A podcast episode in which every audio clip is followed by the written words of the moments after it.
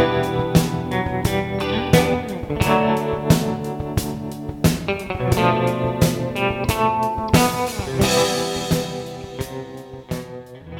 hører på Plottet, en podkast om kultur og formidling av kulturplott.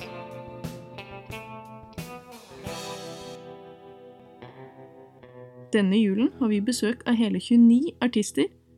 De gir oss et innblikk i det de liker aller best – musikk, formidling og kreativitet.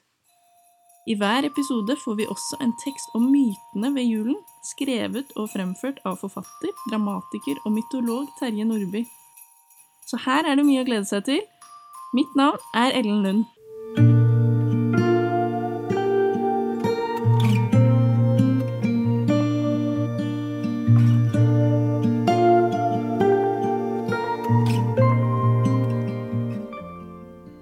Daniela Reyes er 22 år, spiller trekkspill, gitar og synger. I oktober slapp hun det kritikerroste debutalbumet Engangsdager. Mange kjenner henne nok også som datteren til de kjente musikerne May-Britt Andersen og Geir Holmsen, som hun også har spilt en del trekkspill med. Nå sitter hun her. Velkommen, og gratulerer med albumet. Tusen takk. Kan du fortelle litt om det? Um, ja, det er eh, ti låter med musikk og med tekster på norsk, og ja, det er jo litt sånn Jeg vet ikke, det er kanskje ikke typisk vise, men det har noen tydelige visetrekk, og så har det noen veldig tydelige andre trekk. Hvor viktig er tekst og historiefortelling for deg i musikken din? Um, det er ganske viktig. Jeg, jeg, jeg har vært Eller jeg kan bli fornøyd selv om kanskje jeg er litt usikker på en eh, melodi. Nei, det tror jeg egentlig ikke jeg kan likevel, men, men det er virkelig irriterende hvis, hvis, en, hvis jeg ikke er fornøyd med teksten. Er det noe spesielt du liker å skrive om? Ja, altså til nå så har det vært veldig mye sånn På dette albumet er det i hvert fall veldig mye eh, sånn å, å være voksen, men ikke ha vært det før, på en måte. Um, men eh, Men vi får se. Det er jo ikke planer om å skrive om det for alltid. Hvordan jobber du med tekster? Um, det er jo veldig Mye av teksten er basert på liksom sånn Hva skal jeg si? Det er liksom sånn artig språk, eller Ja, en eller annen eh, formulering, da. Så, så det bare kommer man jo på, og så sitter jeg ned og jobber litt rundt det ofte. Hvor viktig er lydbildet som del av det å fortelle en historie? Eh, For meg så har det vært kjempeviktig fordi eh, jeg Det er ganske innadvendt, musikken, og Og jeg synger stille. og det skal ikke så mye til for å overdøve meg, egentlig. Så da har det vært veldig Det tok litt tid, egentlig, før jeg fant et lydbilde som Som kunne være med å bygge Bygge dynamik, dynamisk og og liksom lage det større uten å overdøve det som er viktig med tekst og, og vokal. Kan du fortelle litt om en av låtene dine? Eh, ja, jeg kan si litt om den som heter Usikker musiker. For det er en typisk sånn som funker veldig greit å spille alene på gitar, men også som har blitt satt i en produksjon. Um, og det er en veldig sånn uh, Hva skal man si? Søt, naiv tekst, på en måte.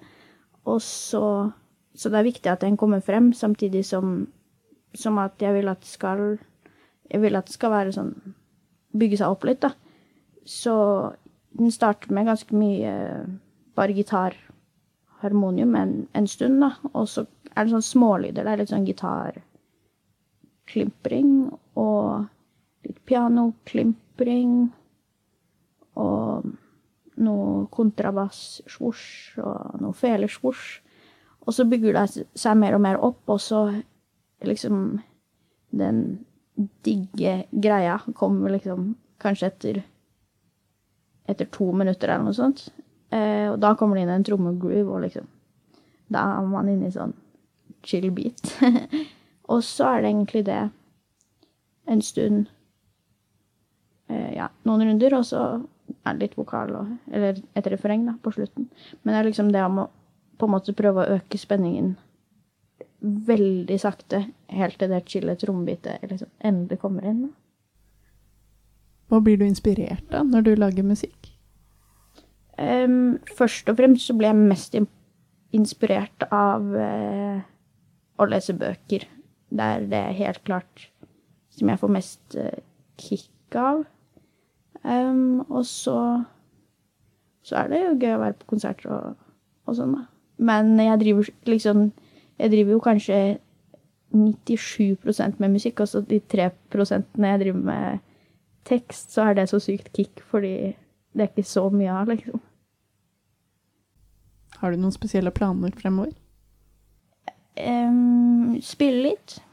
Um, så går jeg master på Musikkhøgskolen. Så det blir nok ganske mye spilling, egentlig. Og så, ja Der uh, Akkurat nå så er det masse konserter. Eh, og så kanskje det blir det i 2022 òg. Vi får se.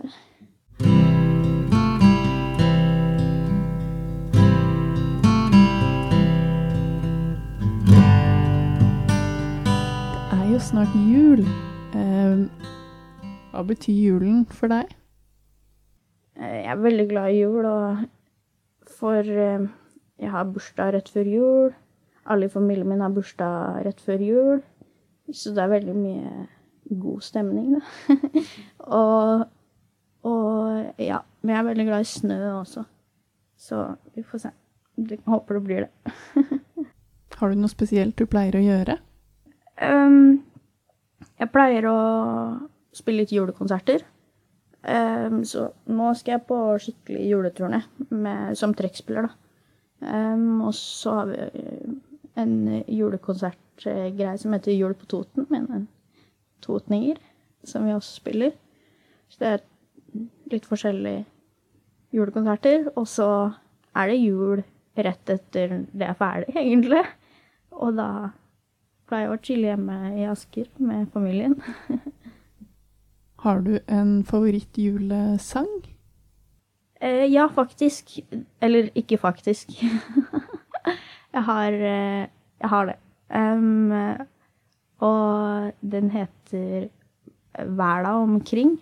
Den er ikke så kjent, tror jeg. Eh, det er jeg, jeg, greier at det er liksom Jeg kan bare én julesang, og det er den. Um, og den eh, er det så, Det er foreldrene mine sin. Um, så de Så jeg har hørt den liksom Ja, det er, det er, lenge siden jeg har hørt den første gang, i hvert fall. Um, og så ja, pleier de å spille den på julekonserter, og, og så nå har jeg lært meg den òg. Har du en favorittjulefilm? Uh, ja, shit. Julefilm, ja. Uh, jeg er sykt glad i Harry Potter, da. Harry Potter 1. Jeg vet ikke om det regnes som julefilm, men det pleier å gå på TV i jula. Da takker jeg for at du kunne komme, og så ønsker jeg deg riktig god jul. God jul.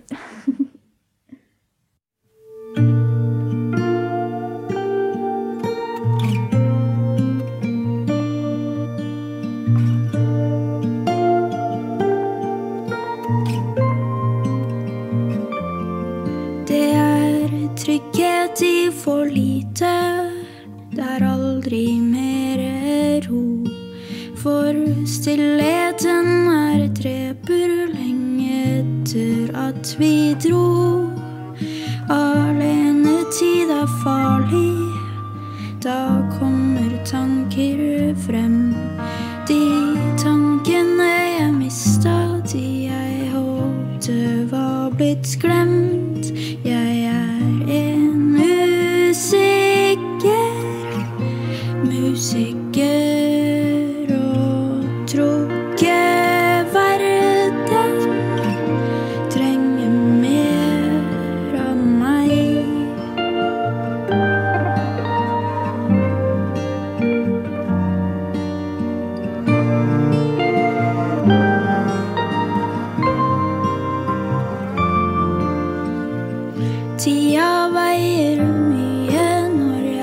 Sitte for meg selv.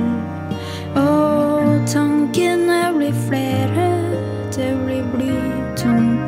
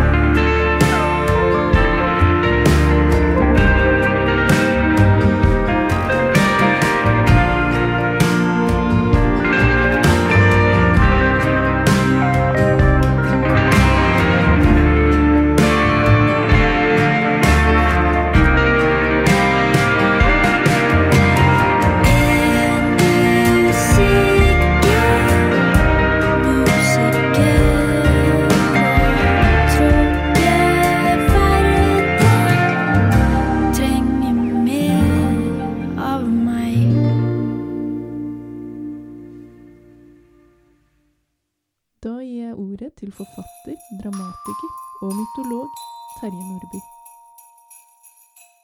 Det begynte med en Nikolas som levde på 300-tallet i Myra i Lille Asia. Det kan bekreftes historisk. Alt annet som fortelles om ham, er eventyr, men nettopp disse eventyrene har festet seg i vår hukommelse og påvirket våre vaner. Det fortelles at Nikolas' foreldre døde av pest, og at Nikolas ga bort hele arven til de fattige. Han ble biskop, ble mishandlet under kristendomsforfølgelsene og døde 6. desember. Året er usikkert. Men derfor er det i dag Sankt Nikolas dag i den katolske og ortodokse kirke. Han er skytshelgen for diktere, parfymefabrikanter, sjauere, spritbrennere, studenter og pantelånere, og beskytter mot falske anklager og væpnet ran. Som ung mann skal han ha hjulpet fattigfolk i nød, reddet skipbruddene og stått bak en rekke undre. Men først og fremst er han kjent som giveren av de gode gaver. På 1200-tallet lot tyske klosterskoler en figur utkledd som Nikolas dukke opp i gammeldagse bispeklær og dele ut gaver ved slutten av skoleåret. Gavetradisjonen flyttet seg etter hvert til hjemmene. Helgenen Nikolas er gjerne avbildet med et skip. Barna skulle derfor sette ut et lekeskip, som neste morgen var fylt av søtsaker. I Holland brukte de en tresko som jo ligner en båt. Da franske nonner skulle ordne Nicolas-gaver, fant de det enda mer hensiktsmessig og enklere å strikke strømper. Derfra kommer tradisjonen med morgengaver i strømper.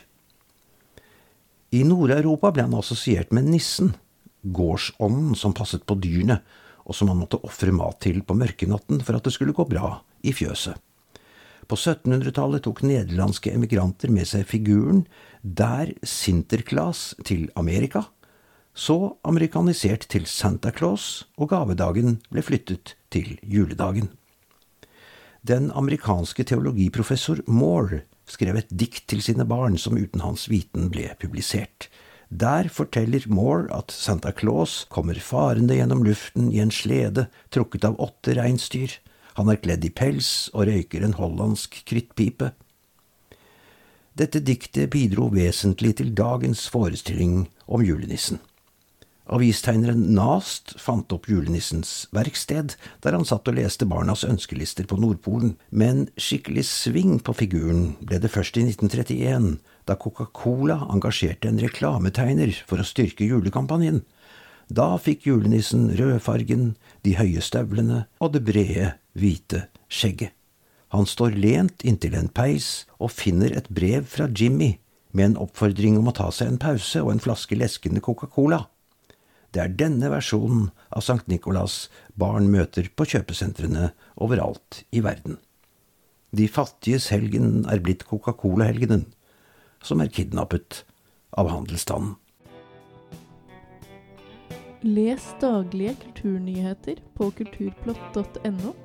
og få med deg dokumentarer, eksistensielt stoff og kultur i papirmagasinet Kulturplott. Plottet var ved programleder og teknisk ansvarlig Ellen Lund.